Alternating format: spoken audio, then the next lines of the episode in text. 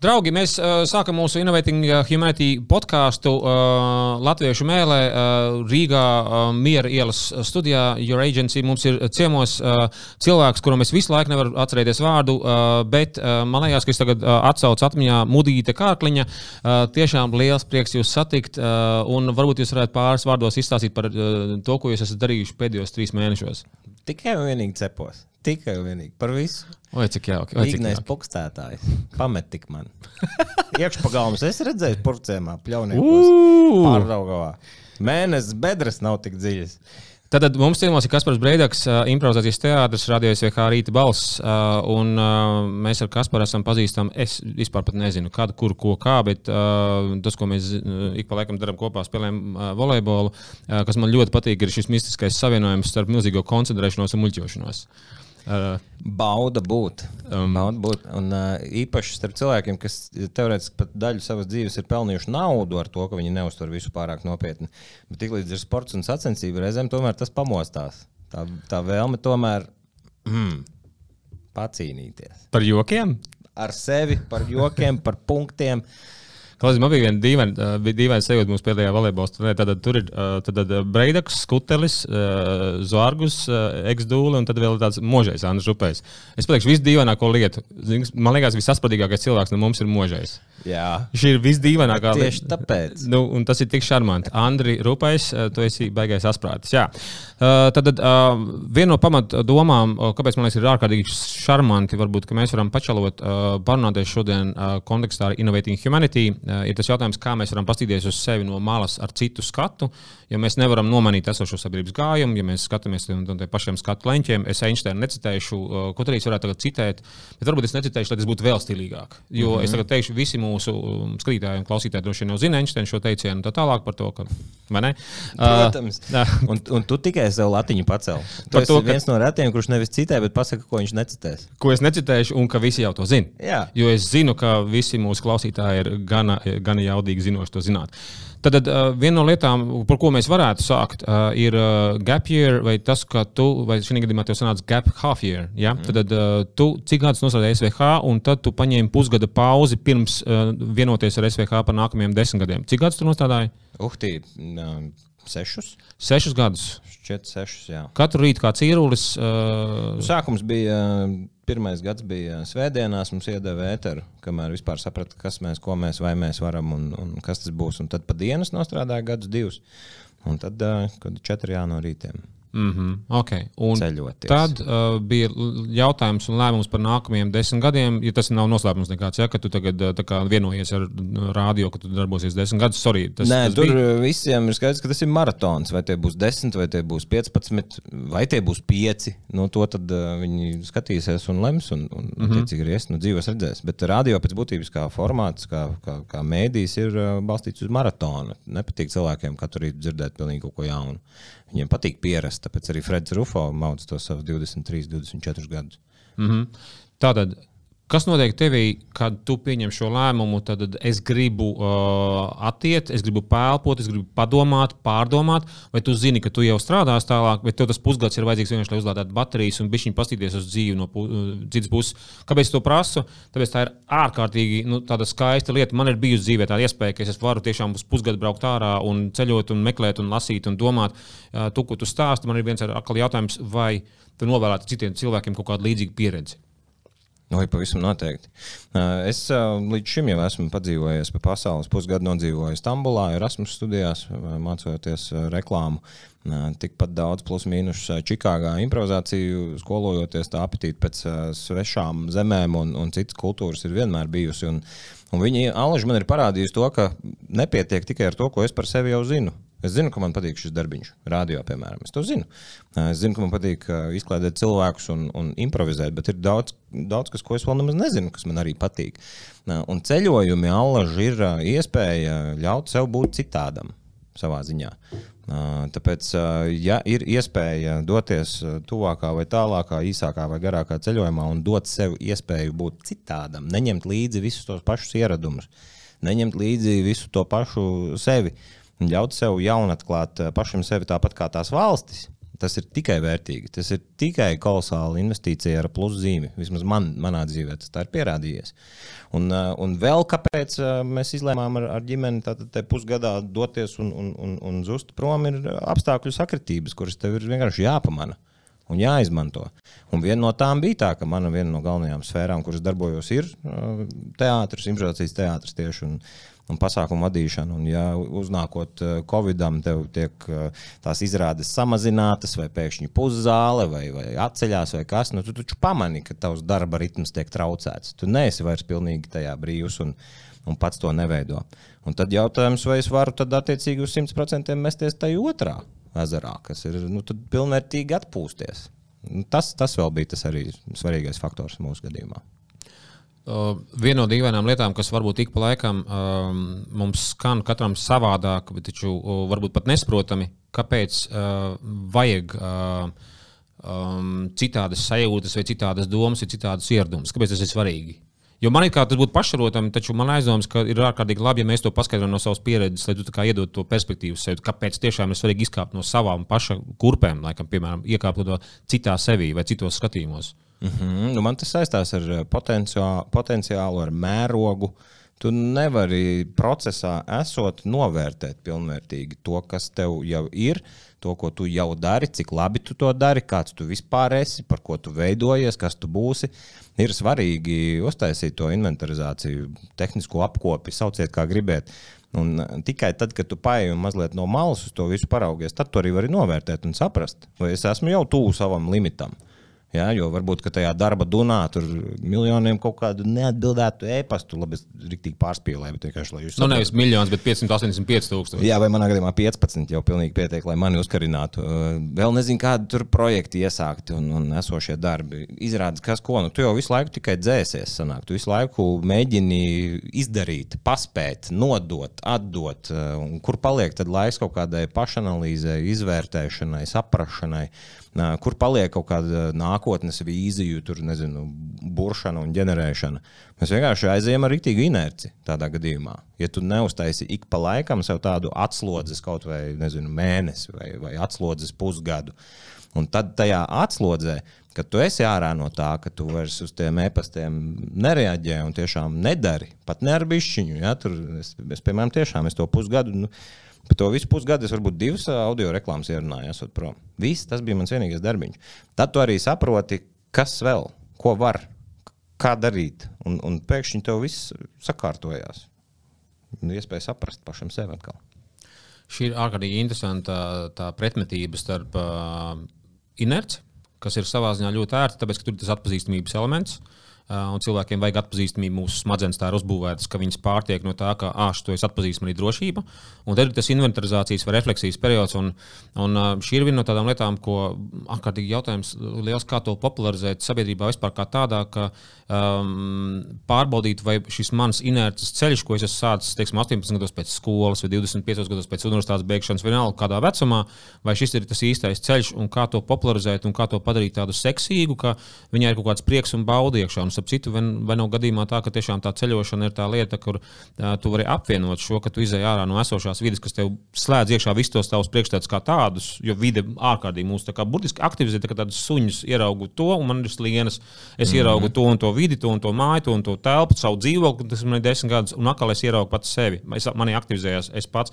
Tad izbraukšana, principā, ir tā apvienošana, sevis, tā reflektēšanas apvienošana ar to arī to baudas procesu kaut kādā veidā. Ja? Tā Jā, bet, sanāt. bet sevi fiziski dabūt uz citu vidi ne visiem varbūt ir vajadzīgs. Bet uh, varbūt tu vari pat palikt tajā pašā vidē. Arī es nezinu, nu, vienkārši nedari. Piespied sevi nedarīt un, un, un pārtrauc to savu lokomotīvas virzību. Apstājies, jo var stāvēt savā pieturā kas, kas, kas tev turpat vien ir. Vienkārši varētu būt uh, fiziski grūtāk tiem, kas ir uh, sociāli aktīvi un, un nezinu, varbūt tieši šovu biznesā. Nu, katrā jomā varētu būt kaut kas savs. Bet man liekas, tieši tā darba ritējuma nobremzēšana un, un atmešana, tas ir būtiskais. Jo vai man tieši vajadzēja Spāniju, lai, lai kaut ko saprastu? Nu, negluži. Vienkārši man varbūt bija vieglāk nestrādāt, nesot tepat kā aiz durvīm, kur es zinu, milzīgs pasākums, un es viņu nevadu. Varbūt. Es tagad uztaisīšu, uztaisīšu vienu eksperimentu. Labi? Es tagad paprasīšu tev, piemēram, vai tev ir kaut kāds uh, objekts uh, dzīvē, ko tu ieraugi, un viņš tev rada kaut kādas konkrētas emocijas. Ir kaut kas tāds, nezinu, mājā, mājā telpā, ne cilvēks, bet kāds objekts. Ir kaut kas, kas tev uzreiz kaut kādas emocijas uzvēsmo. Ezers ir objekts. Uh, tu domā, piemēram, ķīžers. Jā, jā, pilnīgi noteikti. Nu, pie, piemēram, jā. Jā. Nu, ezers. Ok, tad, tad tu esi pie ķīžera, un viņš tev rada tos sajūtas kaut kādas. Ja? Jā, bet redz, man ir jebkurš ezers. Jebkurš ezers. Jebkurš. Un Okay. Tas tad, laikam, neatbilst tam. Um, tad uz kurienes mēģina aizvilkt? Lūdzu. Uh, Kā zīmīgi, vis, visa šī mana vilkšana viņa varētu būt ļoti sekmīga, ja es mācītu precīzi noformulēt uzreiz to jautājumu, bet es tagad tā uzreiz, um, uh, on top of my head, kas kaut ko vēl, vēl kārā, tad, uh, kā Maslava suņi. Tad ir kaut kāds uh, parametrs, kā viņiem izdalās slienas. Tur ir, tur ir tas signāls, tur ir vēl kaut kas, un izdalās slienas. Un tas, ka mēs cilvēki esam tādi paši, es ieraugu kaut kādu nezinu, bērnības skolu. Un Man uzreiz uzvējo visas manas kaut kādas sajūtas no tā. Es ieraugu savu kaut kādu pir pirmo mīlestību, man uzvējo sajūtas. Mm -hmm. Principā, uh, austrumu filozofijā ir tas jēdziens par jantru, ka ir kaut kādas garīgās, sakrālās šīs figūras, un viņas izraisa kaut kādas emocijas, ko mēs piefiksējam vai nepiefiksējam. Bet, principā, visas pasaulē ir tādas jantras. Es ieraugu kaut kādu šo krūzi, vai es ieraugu uh, ābolu datoru, un manī tas uzvējo kaut kādas sajūtas. Un, ja es esmu vienā dzīvoklī 5, 10, 20 gadus, šis dzīvoklis, principā, es ieeju, un viņš manī ieslēdz. Es esmu jūs par Paulu suni vienmēr, kad es esmu atpazīstamās mm. vidēs. Un tāpēc, kāpēc tu pateici to jautājumu par to ceļot vai neceļot, man ir, man ir hipotēze, ka mums vajag iziet no savas esošās vidas, lai izietu no esošās domāšanas. Jo mm. man ir paradoxāls, ka tajā brīdī, kad es pārbaudu Latvijas robežai, es saprotu, ka man kaut kas nokrīt. Es, es, es, es tiešām esmu kaut kāds cits kēks, un es esmu pat braucis ļoti daudz. Es esmu kaut kāda kripatiņa igaunis, man ir kaut kas ģenētiski, un uh, es braucu uz Igauniju ļoti daudz. Uh, Es esmu bijis laikam populārākā valsts bija Spānija, pēc tam Amerika, pēc tam Indija un kaut kāda taizeme, vēl kaut kas. Bet uh, vēl viens, saprotu, uh, aizpļāpājos, bet uh, viens šis um, uh, Čārlis teica, ka viņam ir jahta un viņš brauc uh, iekšā Rīgas jūras līcī, un ka viņš ka ir kādā brīdī, kad viņam burtiski atkal tāds ka oh, tagad es sāku atpūsties, ir 60 km no Rīgas. Jā, Kaut kā- pazīstams, zināms, jūtams. Nopietni? Jā, jā, jā. Es atbraucu atpakaļ pēc 20,000 km un 9 valstīm. Iebraucu Latvijā. Un es nevaru izskaidrot, kas tieši. Vai tas, ka man acis neatsits ne pret vienu kalnu, vai tas, ka ik pa 3 km bišķi viegla bedrīte, ko es atpazīstu. Uzreiz vienkārši tāda spēcīga māju sajūta. Un pēc tā tava stāstījuma par objektu es tagad vienu tomēr sasēju un atradu. Man ir viens džempers, kas man ir super mīļš un tuvs, nu, kuru es glabāju kā neko citu. Un, un tad, kad es viņam tieku klāt, nu, tad slienas pa gaisu. Pieminot, Kādas vēl, kādas vēl emocijas tev nāk? Tieši kas tev asociējās ar, teiksim, ar šo džemperi? Nu, absolūts miers, mājas drošība. Uh, tad, kad uh, arī bija pi- pirmais tas lockdown, un, un, un mājās arī zināmā mērā, es tevi mīlu, mīļo sieviņu, bet 24, tā jau mazliet cita opera. Un mēs pēkšņi aiz slēgtām durvīm, kas ko. Un mēs toreiz arī ieviesām to, ka, ja džempers ir kaputs galvā, tad es neesmu mājās. Es esmu fiziski mājās, bet, ja man ir kaputs galvā, mm -mm, neesmu sasniedzams, lai to savu mieru panāktu un vispārējo. Tāpēc, jā, tagad es saprotu, kur tu mani vedi, un paldies, ka tu man tur aizvedi. Es ticu, ka pēc šīs sarunas es vēl vairāk pievēršu uzmanību tiem kaut kādiem objektiem un lietām, tieši kas, kur man ko rada, kādas sajūtas. Bet no tā visa aizbēgt, nu, protams, ka tev, hei, vēl viena lieta, kas foršā, esot citās valstīs, nevienam jau nekāda priekšstata nav par tevi. Kāds tu esi? Kas? Nu, tu šeit, piemēram, jā, lielai daļai ir tomēr jau kaut vai arī draugi, un viņiem ir izveidojis priekšstats par to, ko no tevis sagaidīt. Ne, tur Zvaigznes vienmēr parūpēsies par sarunu, lai viņi notiek, lai viņi virzās, viss jauki. A, tur tu vari nosēdēt pie galda ar deviņiem cilvēkiem un, hei, pamēģināšu otru nometni, pastīšos, kāds ir klusēt, un lai citi tiek galā.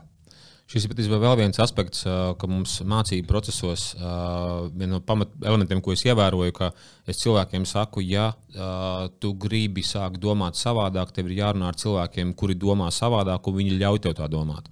Tā ir ļoti dīvaina lieta, taču mēs varam sākt ar laiku piefiksēt, kā mūs ietekmē tas, kad, kuru cilvēku klātbūtnē mēs esam. Mm -hmm. Es mēģināju piefiksēt, kādas ir tavas domas vienu vai otru vai trešo cilvēku klātbūtnē. Jā, nu, domas jau, zin kā, viņas jau mēdz arī šaudīties. Un ļoti ātri, bet tas, kā es uzvedos, tas, cik es daudz dodu uzmanību konkrētajām domām, protams, ka to ietekmē cilvēku apkārt.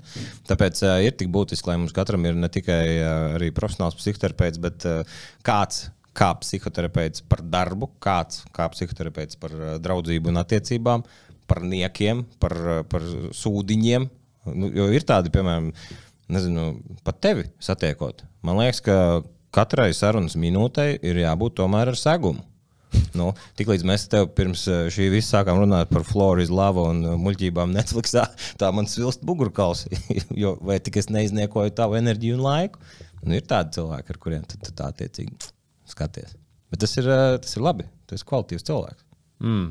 Uh, es, es, es iegūstu no šīs intervijas visu, ko es vēlējos. Paldies. Šo mēs izmantosim kā klipu. Tagad ierunājam šo lūdzu angliski uh, un laižam tālāk. There's uh, only few people on this planet. Yeah, who are stupid enough to believe that. uh, Tātad, um, klausies, um, šis ir interesanti. Uh, citu, tagad runājot par komplimentiem vai par līdzībām, um, burtiski varbūt pat pārlecot uz citu tēmu, es iedomājos, uh, domājot par šo mūsu sarunu, par vienu līdzību ar mums. Uh, es pateikšu par sevi un apstāties, vai tu atpazīsti to sevi.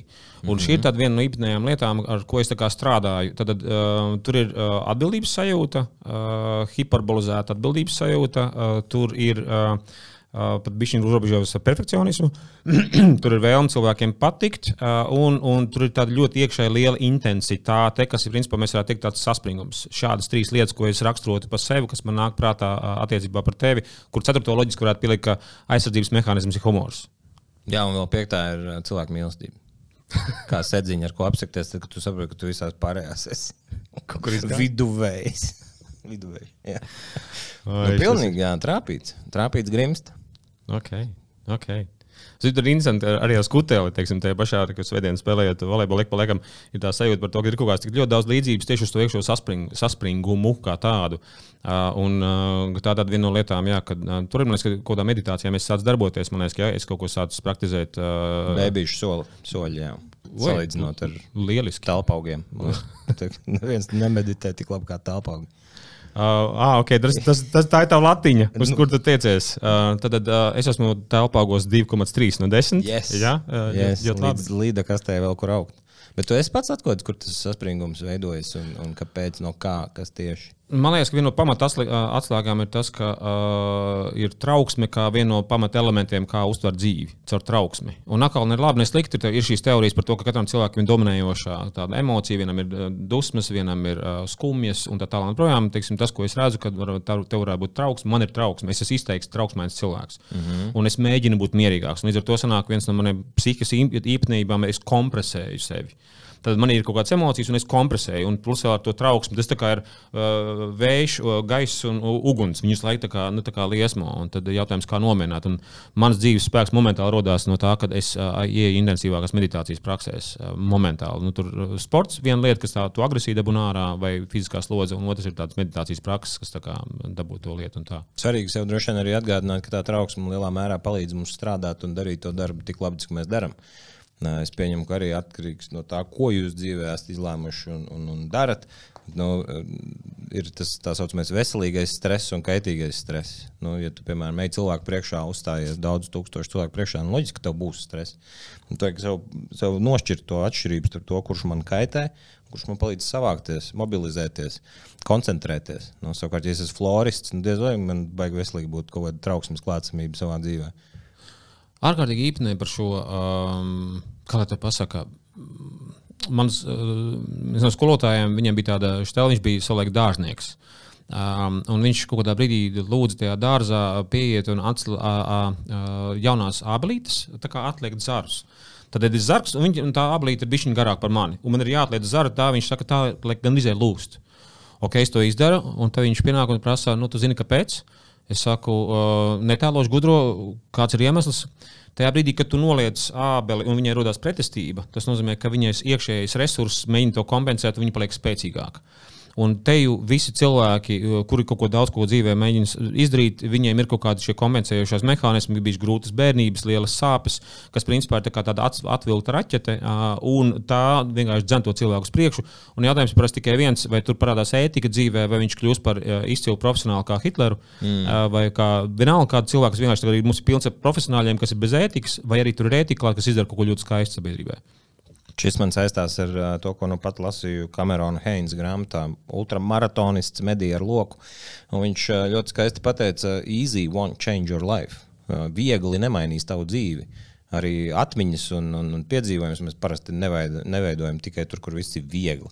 Bet kaut kā viena no tām pamatlietām, ko mēs visur gribam un pieprasām no sevis, ir, lai mums ir komfortabli, ērti, viegli, forši, lai nav piepūles, kas ko tik līdz kur ir uh, bailes vai grūti, tā mēs tur mēģinam nelīst. Nu, bet tieši caur, to, caur, caur, caur tām grūtībām, tāpat kā tā ābele, nu, tur jau mēs arī ņemam un piebliežam ķermeni pilnu ar asinīm un vienkārši aiziet, darām. Varbūt tas rīt vairs nebūs šitāds. Protams, ka nebūs. Sities cauri. Klausies, te parādās divi aspekti, par kuriem varētu parunāt. Viens ir tas apziņotības jautājums. Ja tu sāc to beigas epizodus taisīt, tad es esmu baigi priecīgs parunāt ar katru, kas to dara. Man liekas, tas ir ļoti, ļoti svētīgi vienkārši to popularizēt. Un otrs ir par to atrodot savu veidošanos vai atrodot savu aicinājumu. Jo, um, par to atrodas veidošanos, ko tu tagad iesāki, jau bija pieskāries, ja par to viegli, ka viegli nemainīt dzīvi. Man ir viena bišķiņa cita teorija, uh, ka ir viegli ir divas nozīmes. Viegli var būt tas, ka tev ir sajūtā viegli Un tev ir otrs, ir tas, ka tev var būt paši procesi viegli. Un, man liekas, tas, ko viņš saka, šis ultramonitors, viņš saka par to, ka procesi var būt ārkārtīgi grūti, bet tu gribi tos izdarīt. Restīvi, ka, ja es zinu, kāpēc, tad es izdarīšu jebkuru mērķi, un tas ir kaut kāds droši citāts vai kaut kas tamlīdzīgs. Bet, kad tu zini, kāpēc tu to dari, piemēram, mamām nav viegli pareizi. Mm -hmm. Taču viņām ir viegli, tāpēc, ka tas ir viņas process, tā ir viņas būtība, tā ir viņas identitāte. Un mm. tas jautājums par to, ka, kas notiekās ar cilvēku, kurš nav atradis šo, kāpēc es kaut ko gribu darīt. Un tad viss kļūst grūti, principā. Un tur ir tāds pretruns, kā sanāk, nezinu, var, var tajā manā kalamburā to noķert, bet ja man nav skaidrs, kāpēc to daru, tad man pat vienalga, kur procesā man viss būs smagi. Viss būs ar sakostiem zobiem, viss būs tā kā ar mocībām. Un šī kontekstā tu esi gājis cauri šim procesam ar to, ka tu nezini, ko tu gribi darīt, uh, kur tu gribi iet. Jo man visu laiku ir tāda sajūta, arī toreiz, ka, ar, kad tu, tu man paaicināji kā treneri ar, ar, ar, ar improvizācijas grupu pastrādāt. Tad arī tad man likās, ka tu esi no tiem cilvēkiem, kas visu laiku meklē risinājumus. Ka tu kaut kur jūti, apmēram, kur tu gribi iet, un tu meklē risinājumus. Līdz ar to tev tas kāpēc ir diezgan dzīves. Tev ir bijis kādreiz, ka tu nezini, ko tu gribi dzīvē darīt. Ne, es nekad neesmu diži aizrāvies ne ar kādu plānošanu, un nākotnes eh, vīziju ieskicēšanu. Vienkārši esmu ļāvis tam, eh, tam ceļam arī būt eh, manam vadonim un virzītājam. Tieši jautājot par to, vai man tas process saista. Tieši tā es no, no, no fotografijas nonācu improvizācijā un, un pasākumu industrijā. Un tieši tas man aizveda līdz radio, tā, tā ķēdīte turpinās. Uh, tāda apjukuma par to, ka, ak, Dievs, kas es būšu, ko es darīšu, vai šis ir īstais. Varbūt es būtu kolos, kolosāls biologs. Un īsti nevienu brīdi tāda, tādas bailes nav piezagušās, tāpēc ka process ir baudāms šobrīd. Tāpat laikā bieži vien jau redz, kāpēc par to īzī arī to piesauc. Mēs jau uh, kaut kā nepareizi tos mērogus liekam. Mēs paskatāmies uz kaut ko, ko cilvēks dara. Mums, mums it kā gribētos arī to darīt. Un mums liekas, jā, bet redz, viņam tas sanāk tik dabiski. Bet tas, eh, tas dabiski viņam sanāk. Tāpēc, viņš to dara jau kuru reizi. Tāpēc, viņš ir nenormāls stundas pavadījis, gatavojoties, trenējoties, arī kļūdoties un izgāžoties, bet to jau mēs neredzam. Mēs redzam tikai to viņa šī brīža versiju.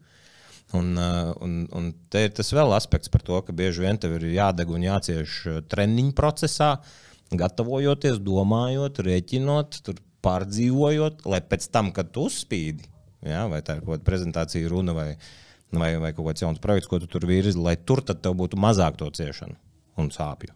Viņš sev ir rūdi, tāds rūdīšanas process. Tu pateici vienu atslēgas vārdu, kuru es parasti cilvēkiem, kas meklē to šo aizraušanos, vai aicinājumu, vai dzīves jēgu, ko es mēģinu visu laiku teikt, jums ir jāmācās piefiksēt procesu, kas jums patīk. Mm. Šī ir tāda tik ārkārtīgi triviāla lieta. Es nezinu, vai mēs tur gājām. Jā, vārdu seks es neteicu. Um, tu viņu tā kā, nu, tu, tu uzrakstīji, rekordu uzrakstīji. Uh, Kaspars uzrakstīja vienkārši to uz galda ieskrāpēji. Uh, seks, uh, here was Kaspars Breitaks. Lai es atgādinu sev vispār, kāpēc es kaut ko daru. Kāpēc es esmu, jā. Nu, jā. Nu, tā.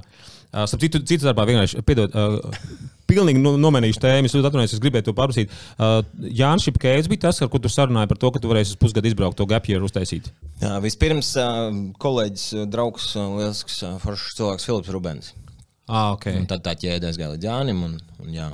Tad Filipam Rubenim cepur nost, Jānis Šepkēcam cepur nost. Vispār visai radios vai komandai, jo bez arī Sands dejus stipriem nerviem un, mm. un labās sirds nekas tāds nebūtu iespējams. Okay. Uh, arī Sandai Dejus, tiešām paldies. Uh, sveiciens Jānis Čakēvicam, mēs sen esam runājuši. Bet kaut kā, kā es nezinu, tā, kad tu man pateici, ka tu brauc uz to pusgadu, man mm. kaut kā viņa aura kaut kur tā no, novibrēja pa gaisu un likās tas ļoti, ļoti forši. Tas tiešām, tiešām burvīgi. Jā, daudzi uzzinot par to mūsu pusgada garo piedzīvojumu, pirmais ir kaut kāda neticība par to, kas tev te pa cilvēkiem ir apkārt, kas vispār kaut ko tādu nu, negluži ļauj piedzīvot, bet nu, kas tam saka jā. Jo, jo tas ir nebijis precedents, kad no, no, no rīta šova ētera kāds vienkārši uz pusgadu pazūd un pēc tam tiek laipni gaidīts arī atpakaļ. Tā kā tā, tas tavas komandas superspējas tev jau arī iespējams, ka tev viņas pilnībā nav zināmas. Nu, kamēr tu nepajautā, kamēr tu pats neatrod drosmi un nepajautā. Kamēr tu nepajautā. Mm -hmm. Šī ir vēl viena no tādām latviešu lietām par to pajautāšanu, ar ko es esmu visu mūžu strādājis. Tā bija ļoti smūga TEDx lekcija par to introvertismu, un uh, tu esi ar to jautājumu, principā darbojies, mācīt, paprasīt. Es tev pirms sarunas stāstīju mm -hmm. par to, kā vakardien es lūdzu vienam cilvēkam man nepārtraukt, kad viņš man četreiz bija pārtraucis, un es, iemāc, es esmu iemācījies to paprasīt, un cilvēks tiešām nepārtrauc. Viss bija kārtībā. Tev ir bijis ar to tāda ņemšanās. Viņš un... to nepārtrauc, jo beidzās saruna. Ne? uh, uh, mēs sarunājam, ka mēs runāsim viens no otras simts metru attālumā. Viņš man nevarēja pārtraukt. Jā, jā, es arī, protams, un nav jau tā, ka visās jomās tagad zini, ir, ir baigais bruņinieks un, un metāla drānās iekšā un nu, tikai ziet. Vēl joprojām ir kaut kādi jautājumi, kurus es tā arī nespēju uzdot vēl cilvēkiem. Šī ir viena no lielajām dzīves prasmēm. Jo, jebkas ir paprasāms, vienkārši nu, mācīties to darīt. Jā, un... Tas ir tikai jautājums, bet mēs jau jautājumus neuztveram kā tikai jautājumus. Jautājumu es uztveru kā vērtējumu, reizēm aizrādījumu, jā, kaut kādu nosodījumu, vēl kaut ko. Līdz ar to nē, tas ir jautājums. Kas zīmīgi, uh, viņš vienmēr būs visi tie apraugš, uh, augstāk nosauktie. Viņš vienmēr būs uh, jautājums, jautājums, kā mēs jautājumus varam iemācīties uzdot. Un tas ir tā ir prasme, tā tiešām ir milzīga prasme. Uh, mm. Tur jautājumu pat var izteikt, izteikt otram cilvēkam atbalstu. Uh, nu, nu, jautājums nu, milzīgs. Tā, principā, tur ir milzīgs spēks iekšā, jā, tāpēc arī nu, mēs, mēs no viņa baidāmies. Emocionālais spēks. Jā. Bet es ļoti atvainojos par to, ka es tā lēkāju šajā sarunā, tāpēc, ka tiešām tik daudz tie, tie, tie aspekti no tā visa. Uh, un uh, aizjot pie tā paša par to procesu, ko tu teici, ka es gribu dzīvē kaut ko darīt, un man tas process ved uz priekšu. Man līdz zināmam brīdim bija tas pats, un man notika kaut kāds ļoti īpnējs pavērsiens, kad uh, es sāku pievērst uzmanību vērtībām. Tādā ziņā, ka tad, uh, man patīk process, tur televīzijā, tas televīzijā, šis televīzijā, šis. Un tad vienā brīdī uh, man parādījās depresija, uh, jo tas savādi gan nepildīja to funkciju, ko es gribēju, ka viņš tur kaut ko palīdz sabiedrībai. Es biju kaut ko sacerējies, ka viņš kaut ko tur sabiedrībai palīdzēs, un tad darba investīcija tur bija milzīga. Tur, uh, es nezinu, es jau stāstīju, nestāstīju, bet pēc, pēc, pēc pirmā savādi gan ēteris noģību otrā rītā. Nē. Es biju kaut kur, kaut kur mēs bijām aizbahēmojušies. Es pamodos. No priek? uh, es ceru, jā. Nu, vienalga, restīvi, tas apjoms bija milzīgs. Uh, sanāk, tas, tas bija izaicinoši, likās ļoti viegli, bet uh, izaicinoši, bet uh, nav tās vērtības. Uh, tu esi kaut kādā brīdī saskāries ar to, ka, un šeit ir tā viena lieta, kur es nekad neesmu varējis darīt to, ko tu, tu vadi pasākums, ja kaut kādus. Mhm. -huh. Man ir maksāts liels naudas, man ir solīts liels naudas, es, es esmu mūžā radījis kaut kādus piecus pasākumus. Kāpēc? Es, Uh, es nevaru, es nejūtu. Es nevaru pateikt, es atceros, man bija viens no lielajiem sabiedriskiem uzņēmumiem, un man jāsaka, un tagad svinīgo uzrunu teiks, un jūs visus apsveiks, tas un tas, tas vadītājs. Un es zinu, ka uh, ir cilvēki, kas to organiski var pateikt. Un es, es neredzu jēgu vai saturu vai piepildījumu tajā, ko es tur daru tajā brīdī. Man ir, nezinu, tur nu, tās summas ir 2000 eiro un tā tālāk par dienu, kas tur, tur kas var nākt. Es vienkārši to nevaru. Uh, vai tu esi saskāries ar šo kaut kādu vērtību, vērtību uh, jautājumu savā dzīvē, kur tas process tev patīk, bet tur kaut kādas vērtības, kas tev stājas spēkā. Šis ir viens no sarežģītākajiem jautājumiem, kas ir, man liekas, ar visādiem uh, pasākumu vadītājiem jau sevišķi. Tas process, man liekas, uh, kuru tu pieminēji, un ar kuru mēs visi saskaramies, ir mēs novecojam, mēs kļūstam vecāki. Un tas jau ir tas brīdis, kad mēs sākam uzdot šos jautājumus par vērtībām, par jēgu. Par to, cik tas, ko es daru, ir gaistošs vai paliekošs. Jo vecāks kļūst, jo vairāk man gribas, lai tas ir paliekošs. Bet uh, manā darbiņā nu, tas viss ir ļoti gaistošs. Cilvēki atpūšas, izsmējās, hops, viņi jau pēc nedēļas ir kaut kur citur, piedzīvo kaut ko citu. Pēc pusgada atcerēsies vēl šo vakaru. Hmm, kā kurš? Stipri šaubos. Kur nu vēl pēc gada vai, vai diviem. Un, protams, ka tas uh, lauž sirdi. Jo, jo, ja tu gribi darīt to kvalitīvi, labi un tā, lai tiešām, uh, tiešām ir, ir, ir, ir, ir kolosāli, nu, tu ieguldies, tu atdod sev visu. Un te nu, man ļoti palīdz viens, viens draugs, DJs Karlo, nesen man teica, tā atšķirība, ko, ko viņš, nu, kā dīdžers, daudzos pasākumos piefiksējis. Un viņš teica, ka tad, kad tu vadi, tad tu esi tā tāds okeāns, kas tos cilvēkus paņem un vienkārši iznes. Iznes, izšūpo. Vis, jūs esat viens veselums. Un, un pretstatā nu, ir jau bijuši arī vakar, kad tu esi labākajā gadījumā vienkārši kaut kāds tur olis stūrī. Beigšņā. Nu, tas vienkārši ir kā akmens, kas tiešām korekti piesaka, viss ok, bet tu vispār nevienam dzīvi neskar, neietekmē nekādas emocijas, nekas. Un ņemot vērā to lielo enerģijas apmaiņu un tas, tā, tā, tā uzmanība, kas nāk virsū, viss tas, tā, tie, tie vērtējumi, tev visu laiku vērtē. Pēc tam vēl es darbiņā esmu ļoti vientuļš. Ja, jo grupas brauc tur pa 4, pa 5, viņi tur tusiņš pirms, tusiņš pēc sarunas, viss kaut kas. Es aizbraucu viens, un es braucu mājās viens un, un, un ar ko tieši man to izventilēt un pārvārīt. Tāpēc, jā, arī pirms tā, pirms tā pusgada brauciena nu, bija tā, ka bija grūti, bija grūti atrast vēl ko dot.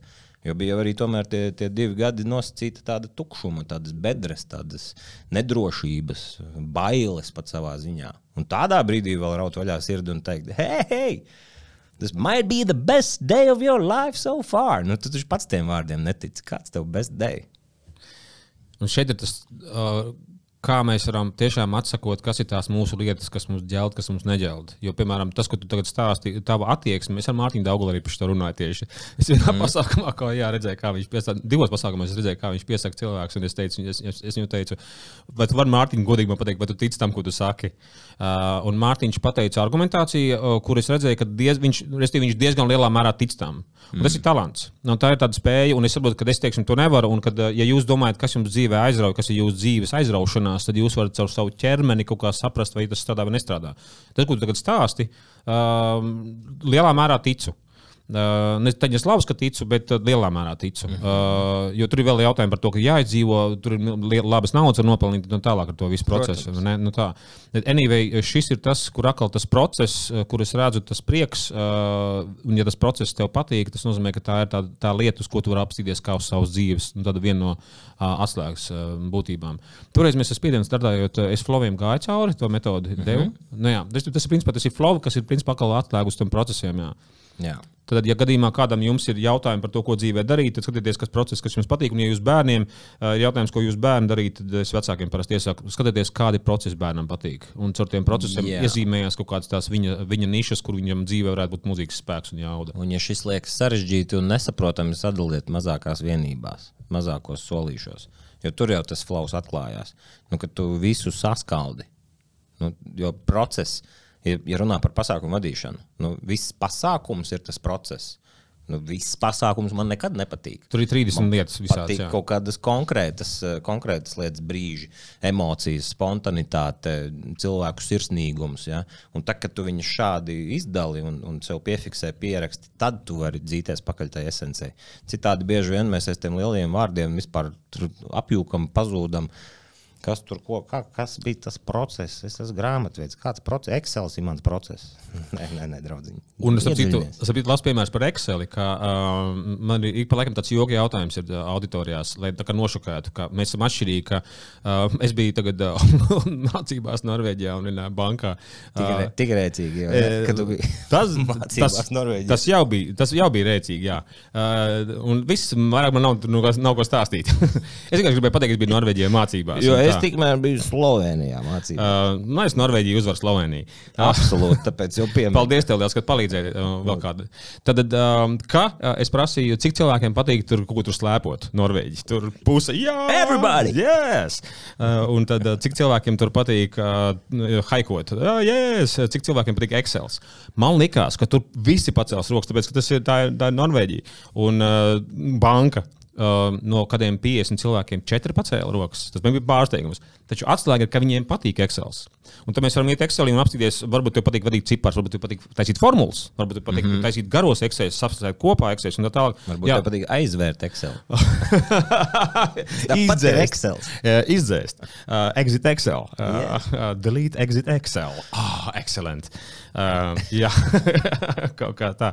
Klausies, um, paldies par, to, to, par to procesu lietu, uh, par šo baudīšanu, jo tas ir liekas, tas lielais stāsts. Man tiešām iedvesmo uh, Rūbenis, Dejus, uh, Šipkēvits, uh, Baigē Malečs. Tiešām cepurnos. Absolūti. Vairāk, tā. vairāk tādu cilvēku Latvijā, kas um, darbā atcerās par to cilvēcisko pusi.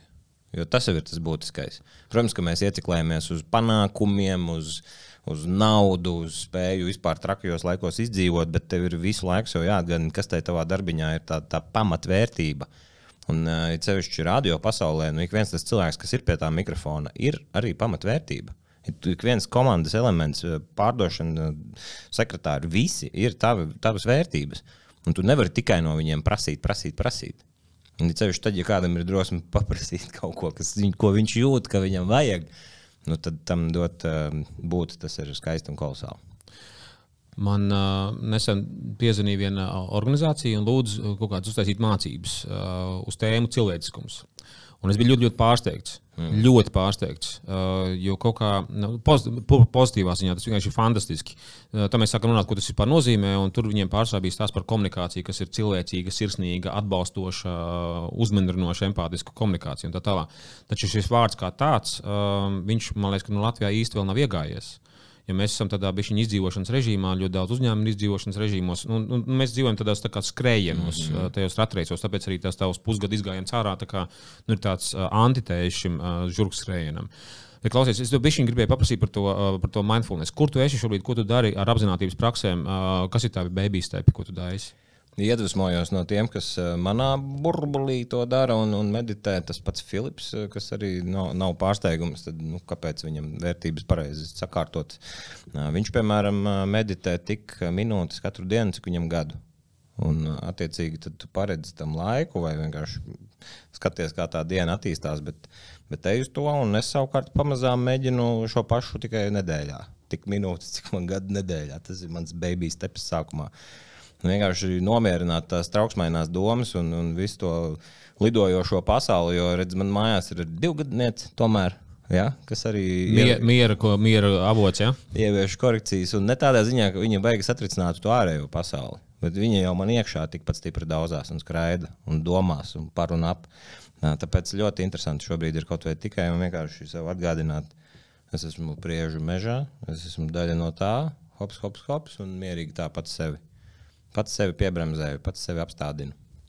Mm -hmm. okay. un, uh, tā praksa, ja es saprotu, ir tā, tā, ka tev ir jāiztēlojas, uh, ka tu esi mežā. Jā, jāmēģina atcerēties sajūtas, uh, smaržas, skaņas. Ja? Mm -hmm. Jā, piemēram, Jānis ieteica skutēlis to Wake Up, uh, Sam Harris, to meditācijas aplikāciju. Bet man kaut kā tik ļoti patīk viņa balss, ka es nespēju tomēr tā uh, nu, pilnībā atbrīvoties. Un, un es vairāk klausos kā tāds. Uh, radio darbonis, kā viņš smuki pārvalda tomēr to valodu un balsi. Un, un, un tad jau es aizēju pilnīgi citos neceļos. Tāpēc mm. man vairāk pašam savas lietas.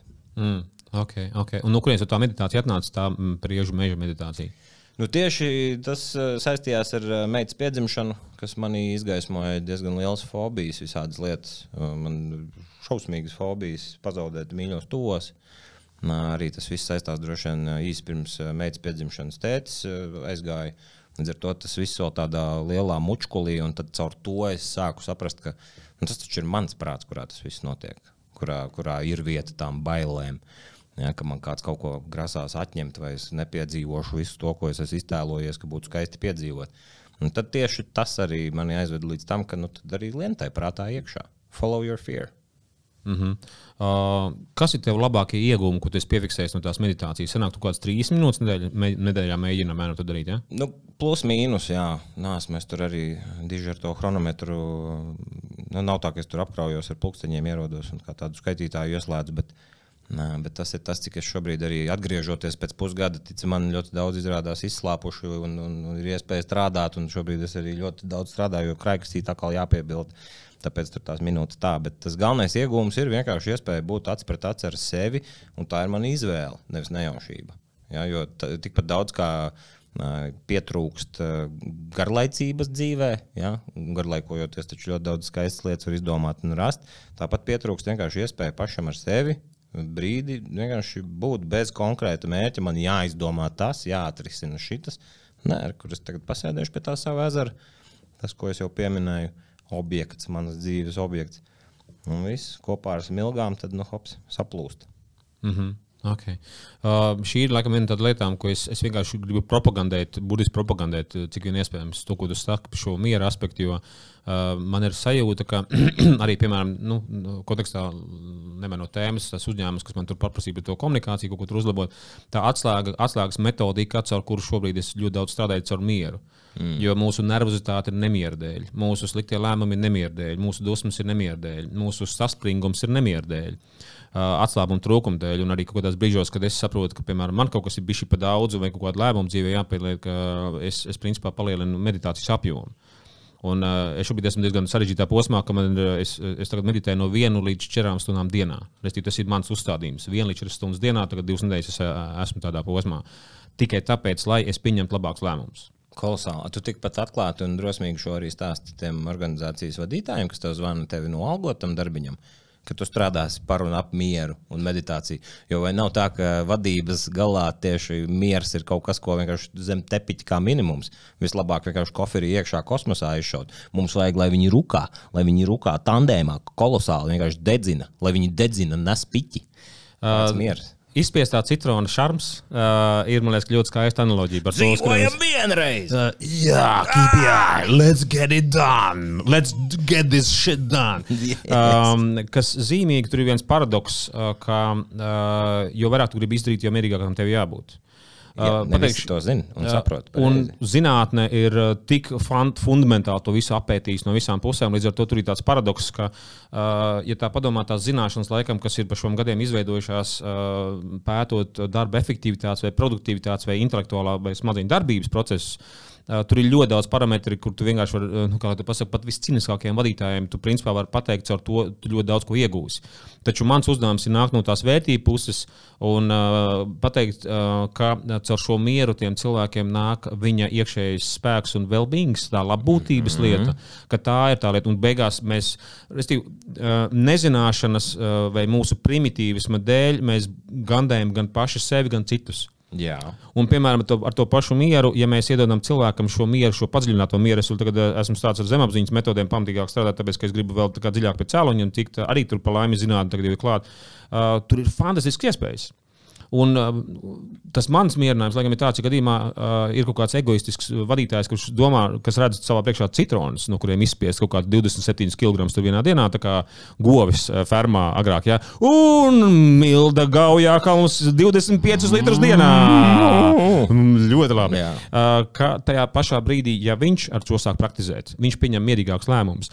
Man nesen bija saruna ar vienu uzņēmumu, HR lēdiju. Viņa teica, ļoti draivīgs tāds valsts uz, uzņēmums, kur ļoti daudz cilvēku strādā, labā ziņā ļoti daudz strādā, bet noteikti jau tādā nervos. Viņš saka, mums šodien jāuztais prezentācija, šodien jāuztais prezentācija. Uh, un viņš saka, nē, nu, mēs taču rīt no rīta varam izdarīt un mierīgi sagatavosimies. Tālāk, es viņu zinu, man liekas. Uh, tas varētu būt. Uh, tu viņu zini? Uh, no, Stāst tālāk, nav būtiski, bet es viņu zinu. no top 500 uzņēmumiem 250 uh, tādi, ja? Okay. Uh, ka Uh, es iedomājos, ka ja viņš ir mierīgs, viņš var nu, mierīgi pēlpojot, mierīgi iz, iz, iz, iz, nomainot to savu hormonu sastāvu, kas ir tajā, tajā, tajā smadzenēs, vienkārši pieņemt mierīgāku lēmumu, kas attiecās mierīgāk arī uz visiem. Un bija kaut kāda ļoti būs labāks tas lēmums. Exactly. Viņš Jā. būs balansētāks, izsvērtāks. Un, uh, es sākumā neticēju vienam pētījumam par to, ka bija, ja uh, priekšnieks izturās uh, agresīvi pret savu sekretāri, uh, un sekretārā izdalās hormons kortizols, kas ir stresa hormons. Tad tas hormons, principā, kortiz, viņš kaskadējās līdz pašai apakšai. Tas aiziet kā burtiski no piramīdas, aiziet visiem, visiem tālāk, aiziet šī paša. Mēs uzdāvināsim viens otru stresu, otram stresa hormonus un tā tālāk. Ka tas miers, viņš ir, kā lai te pasaka, esence tajā visā, lai mēs darītu labāk. Bet izstāsti man, ka es pilnīgi visam piekrītu. Un tas izklausās loģiski un saprotami. Es ticu, ka arī daudz, kas klausās vai skatās, viņi domā, ka Ah, jā, super. Bet kāpēc šī uh, doma, šis uzskats, šī ideja, kāpēc viņa negūst popularitāti, kāpēc viņa nav populāra? Kāpēc mums liekas, ka, ja tev jautā, kā tev iet, tev ir jāatbild ļoti daudz darba? Esmu rīktīgi aizņemts, ka es visu laiku esmu procesā, un, uh, un tiklīdz tu pasaki, forši, zini, mieres tāds, labs tāds, uzreiz ir jautājums, kas tev, kas tev kaut kas neiet darbā? Kāpēc neiet? Kas? Klausies, es tev kā, kā mēdī cilvēkam, tad es 15 gadus strādāju mēdījos. Uh, es esmu diezgan daudz, gan kā žurnālists, gan es arī kaut kādus rīta raidījumus esmu radījis kaut kādā televīzijā, whatever. Un man ir jautājums, cik pie tevis ir bijuši pie tevis radio SVH no rīta cilvēki, kas stāsta par izglītību vai par mācīšanos? Maz, maz ne, nu nav tā, ka ne cik.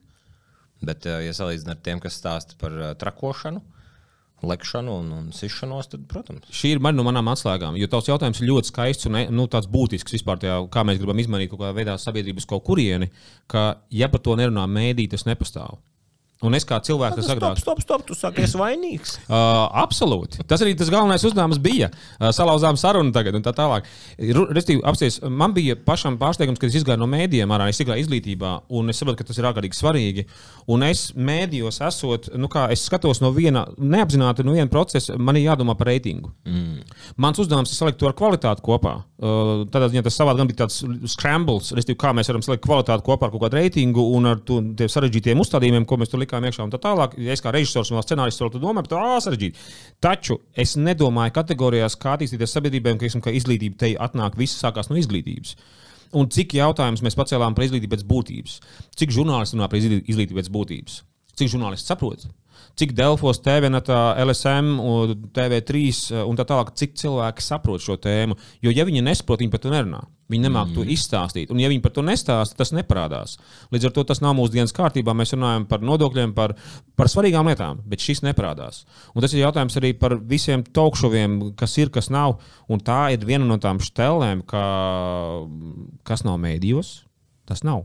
Jā, jā. Nu, kamēr, kamēr nebūs vienādības zīme starp izglītību un klikšķis, tikmēr arī nebūs. Mēs jau šobrīd esam tādā vaiprātā ierauti, ka nav jau runa par to, ko šis raksts aiznesīs cilvēkam un ko tas var izdarīt. Ne, tur vienkārši viss ir tikai tagad. Tagad tu līdzi mums vajag klikšķi, jo klikšķis atnes naudu. Jā, un nav, nav, nav skaļš virsraksts, švaka saruna. Tev ir tāds, tāds nopietnāks jautājums. Kā tev liekas, ja mēs šobrīd parunājam par šo klikšķi, kas ir nauda, un ka mums nav jautājums par to, kādu vērtību mēs iedodam, piemēram, ja mēs esam mēdījis, ja nav šis jautājums globāli, šī ekonomikā, kurā mēs esam, uh, Vai tavuprāt būtu kaut kāda sistēma, kas būtu nosacīta regulējoša sistēma, tas ir briesmīgs vārds, vai regulējoša vai uzraugoša sistēma, kas mudinātu vai veicinātu to, ka mēdījiem ir jārunā par sabiedrības kaut kādiem ilgspējas jautājumiem? Nu, tādā pavēles formā jau nekas tur nebūs. Nu, tu domā, vienkārši no desmit rakstiem divi obligāti par to? Es tev prasu, jo mēs zinām, kā tā ideja. Jā, Nē, nu, jau arī Latvijā vajadzētu obligāti peldēt apmācību, ņemot vērā, kāda mums ir cipari. Mums ik pa diviem gadiem vajadzētu likt braukšanas eksāmenu vēlreiz, pēc tā, kā mēs uzvedamies uz ceļa. Man liekas, ka mums vairāk ir vajadzīgi tieši tie, tie vēstneši, kas to izceļ un apzinās, cik patiesībā svarīga loma ir visam tam. Ko tu mācies, lasi, uzzini, skola, kur kas kā. Nu, caur to drīzāk. Jo piespiest, nevienu nepiespiedīs. Man liekas, ka visiem tikai nāk pa labi izdzēst Twitter uz kādu laiku Man liekas, viens no kolosālākajiem eksperimentiem būtu, ja mēs vienkārši sarunātu visu, aiziet pusgadu bez Twitter. Un viņš tiešām neeksistē. Nevis ir kaut kāds pagrīdes, kur tāpat visi ierodās ar savām granātām un izlādējās un vispārējais, bet vienkārši neeksistē Twitter. Jo žurnālistika arī pamainījās līdz ar sociālajiem tīkliem, līdz ar uh, Twitter un visu pārējo. Nu, tā, mēs pārstājām lasīt jebko, kas ir garāks par 160 zīmēm un, un viss pārējais. Nu, tā kā es drīzāk ietu tajā virzienā. Mm kas ir interesanti. Man aizdomas ir, ka uh, mēs visu laiku dzīvojam kontrolētās vidēs. Jautājums, vai viņi ir labi kontrolēti. Piemēram, Somija ir kontrolēta vide, taču ir sajūta, ka cilvēki ir apmierināti to, kā tiek kontrolēta vide no valsts un tā tālāk no, no sabiedrības, no sabiedrības pārvaldes pusēm. Un, uh, principā, vidas kontrole vai valsts kontrole kā tāda atgādina vecāku, kā kontrolē bērnus. Ir vecāki, kuriem labāk sanāk, ir vecāki, kuriem sliktāk sanāk. Vecāki, kur pieņem labākus lēmumus, uz bērniem saprotošāks lēmums, un ir tādi, kas, nu, kas vienkārši tur skalda un valda. Mm -hmm. Līdz ar to man ir jautājums arī par tiem pašiem mēdījiem, ka kamēr mēdījos nebūs kaut kāda gudra, tiešām gudra pārvaldība, kā šo ietekmēt un virzīt, jo cilvēki jau pielāgosies. Ja, piemēram, es, es tagad fantāzēju, ja pateiktu kaut kādu nosacījumu, ka 20% no kaut kā tur, kaut kā tur vai 10% ir jābūt par kaut kādiem attīstības metodēm, kā cilvēks var attīstīt savas prasmes, tāpēc, ka mums ir globāla ekonomika, mēs vienkārši kā valsts izmirstam. Dienvidkoreja attīstās drausmīgā ātrumā. Singapūrā ir fantastiska izglītības sistēma, šobrīd jau kaut kādus gadus desmit viņi tur emocionāli intelektu ievies. Mēs vienkārši zaudējam. Ja pateikt 10% kaut kam tur jābūt, es domāju, ka cilvēki atrastu veidus. Radies kā būtu sapulcē aiznākamajā dienā, Filips Jānis, Kaspars, Sanda un vēl vispārējie domā tā, kā mēs varam integrēt kaut ko tā, lai mēs dabūtu reitingu un mēs varētu parunāt par to tēmu. Es domāju, ka cilvēki atrastu risinājumus. Vai tavuprāt, privātā dzīve un kas jauns ir tik populāri, tāpēc, ka viņi ir pieejami un viņi ir, vai tāpēc, ka tomēr uh, cilvēkus tas interesē un cilvēki to grib? Redzēt, kā citi dzīvo, runāt par citiem, tankot, baumot, eh, ķengāties un tā tālāk un tā joprojām. Vai nav tomēr tā, ka no tā paša cilvēka ir jānāk tam? Ne? Jā, un nē, man liekas, ka tur ir kaut kāds līdzsvars tajā visā. Man šķiet, 50-50. Nu, ir jau tev ar taisnību. man šķiet, jautājums ir par līdzsvaru. Jo apstāties, man liekas, ka. Uh, pilnīgi- barot bērnus, piedod, Jā? uzliec, uzliec to virsmu. Ne. Tu man to teiksi, lai es tev nepārtraucu. Uh, Es pirmais, nepārtrauc man. Tātad, Jā! Oh! Es iesvīdu, Ozis, jāuzmanās. Uh, tad, jā. tā, kā, tā kā vecāki, kas rūpējas par to, lai viņu bērns ir, ir paēdis, nu, tu nevari dot tikai to, kas viņam garšo. Par to Tev nav Tev jā, ir uz tā jā. šķīvi jāuzliek arī tie zirnīši, tās bietītes, tas redīsiņš. Precīzi, ļoti labs piemērs. Uh, Lielisks Un piemērs. šis ir tas, ko tu saki par mēdījiem. Tāpēc Jā, tev taisnība. jā. Jo uh, man liekas, ka vēl viena dīvaina lieta par to Nepals, tā organizācija sauc, ja, kas atbild par Latvijas mēdījiem, ja nemaldos. Ja? Es ceru, ka nepils nevis nipls. Lieks joks! Nē, man liekas, ka uh, free nipples. Ja, nu, mēs, mēs varētu jau iet Hey. tālāk. free nipples. Mums ir ideja. Jā, uh, Divas. divas. Pirmā ir nipples, un otrā ir frīda nipples. Okay. Uh, šī ir lietišķa saruna par nopietnām tēmām. Es ceru, ka šo ņems vērā Saimnes ārlietu komisija.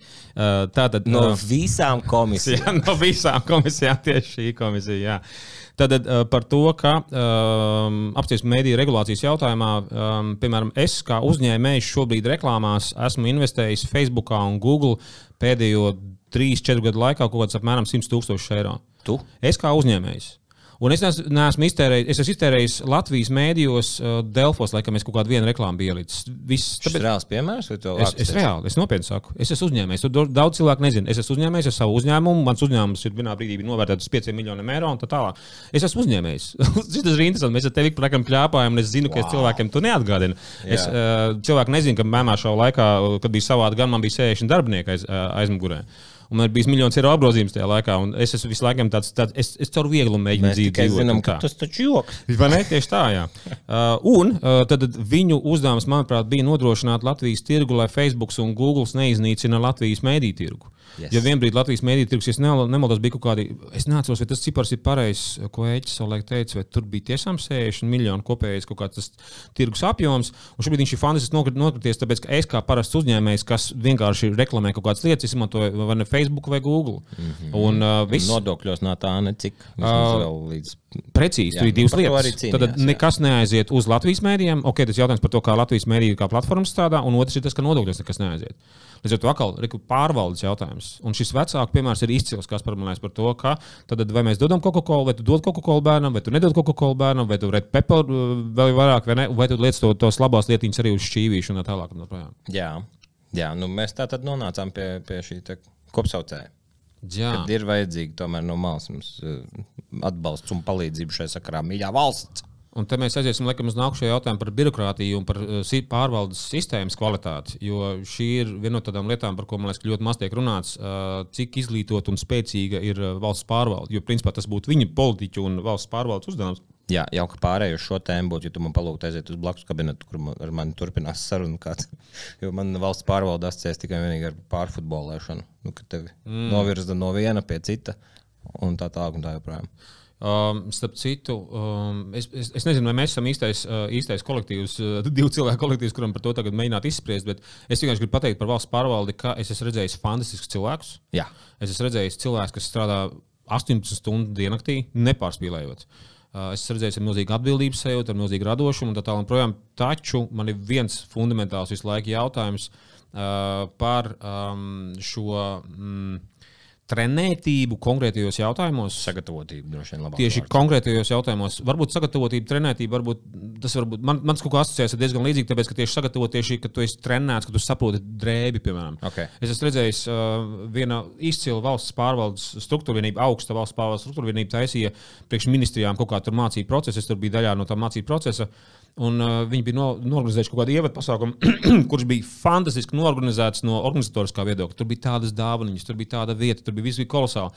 Bet tieši kā bija uzbūvēts mācību process, viņš bija fantastiski neprofesionāls. Mm. Tur nebija sapratni, kā smadzenes darbojas, nebija sapratni par to, kādas vai pauzes, vai kādā veidā taisīt informāciju, padalīt, sadalīt un tā tālāk. Un, un uh, labā sirds bija klāta. Atbildība bija fantastiska, taču tieši šīs profesionālisms, es tieši šī jomā izpratne par to tirgu, bija, nu, tev viņi ir jātrenē, nu, tā kā viņi ir jātīst. Sūdiņš skaistā papīrītī. Tā tad bija. Jā, un man ir, man ir milzīgs jautājums. Man negribās kritizēt tos cilvēkus, tāpēc, ka es zinu, ka kritizēt tas ir stilīgi. Un kritizējot citu cilvēku, izstāsta gudrāki. Tā ir vēl viens īpatnējums. Nu, tāpēc jau mēs tā. Jā, tāpēc komentāri eksistē. Jā, tāpēc Twitter eksistē, mm -hmm. kur mēs sacenšamies gudrībās un tā tālāk. Jā.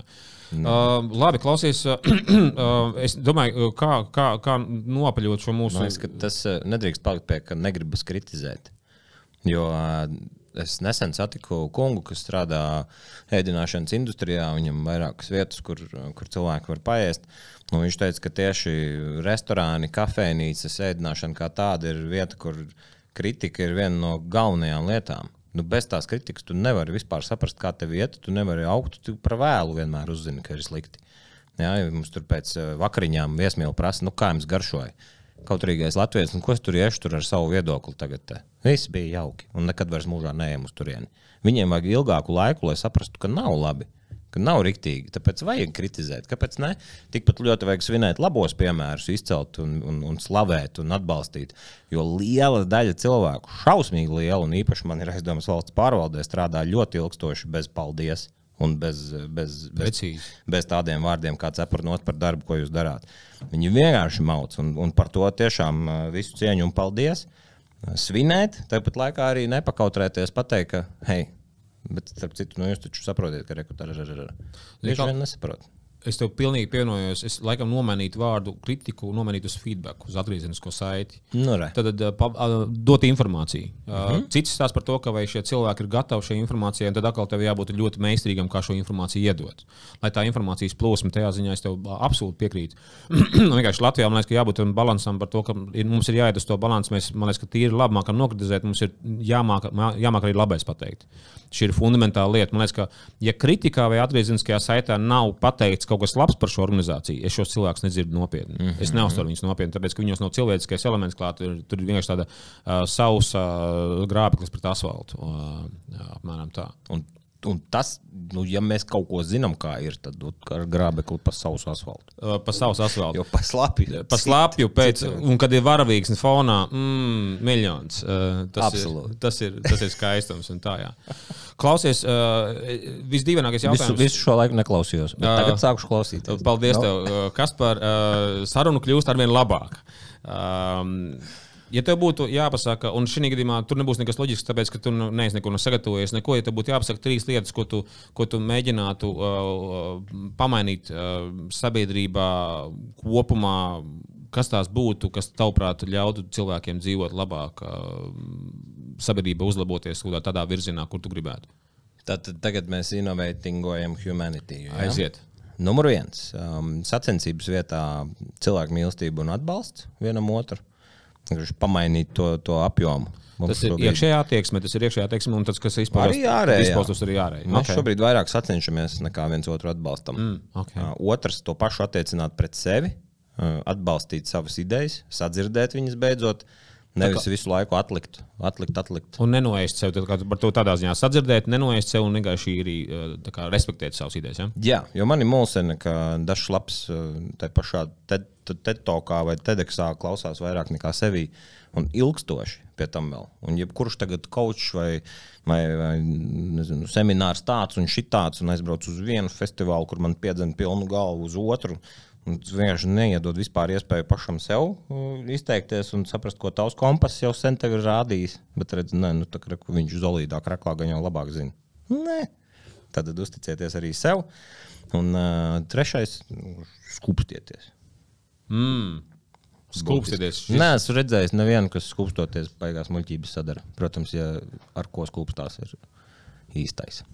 Un aiziet detaļas. aiziet kaut kādas aiziet detaļas. Titri. Manas dzīves skūpstu titri. uh, manas dzīves skūpsts numur 38, 10 balēs 2,4 artistiskums oh! un uh, tehniskais izpildījums 12,3. Um, Kaspar, uh, Jā. milzīgs, milzīgs prieks uh, ar tevi pačalot. Um, tu esi um, dziļš, dziļš keks. Uh, Atvainojiet, ka es salinoju šo vārdu dziļš ar keks. Viss kārtībā. Uh, kā, es nevarēju vienkārši pateikt, dziļš cilvēks. Man vajadzēja kaut kā frivolizēt to visu vai daudz, daudzonīgot to visu. Um, man ir milzīgs prieks par to, ka mēs varējām izbraukt tik dažādām tēmām cauri. Un, un, un uh, es ļoti ceru, ka kādreiz uh, volejbola laukumā uh, tu teiksim, pateiksi kaut kādu neveiklu joku, un tu man atbalstīsi un pasmiesies. Tas ir vis, vispār vienīgais, uh, uz ko es ceru. Nevar apsolīt. Jo, zini, kāpēc? Volejbola laukums ir viena no tām vietām, kur negribas būt smieklīgam. Mm. Par laimi, ka mums ir mūžais blakus. Jā. Jā, mūžais, mūžais filtrs. Bet uh, bauda ar tevi runāties. Un forši, ka tu šos lietas, uh, procesus iekustini un lietas mums, uh, lietas mums atcerēties. Tu tā, tāds tā kā jauks modinātājs zvans, kuram nulles uzspiest ar katru reizi ir arvien grūtāk un grūtāk. Man vajadzētu kaut kādu funkciju, ka var manīt zvanu to toni, vai ne? Nu, kā vienkārši kā var izvēlēties. Hei, valodu fetiši.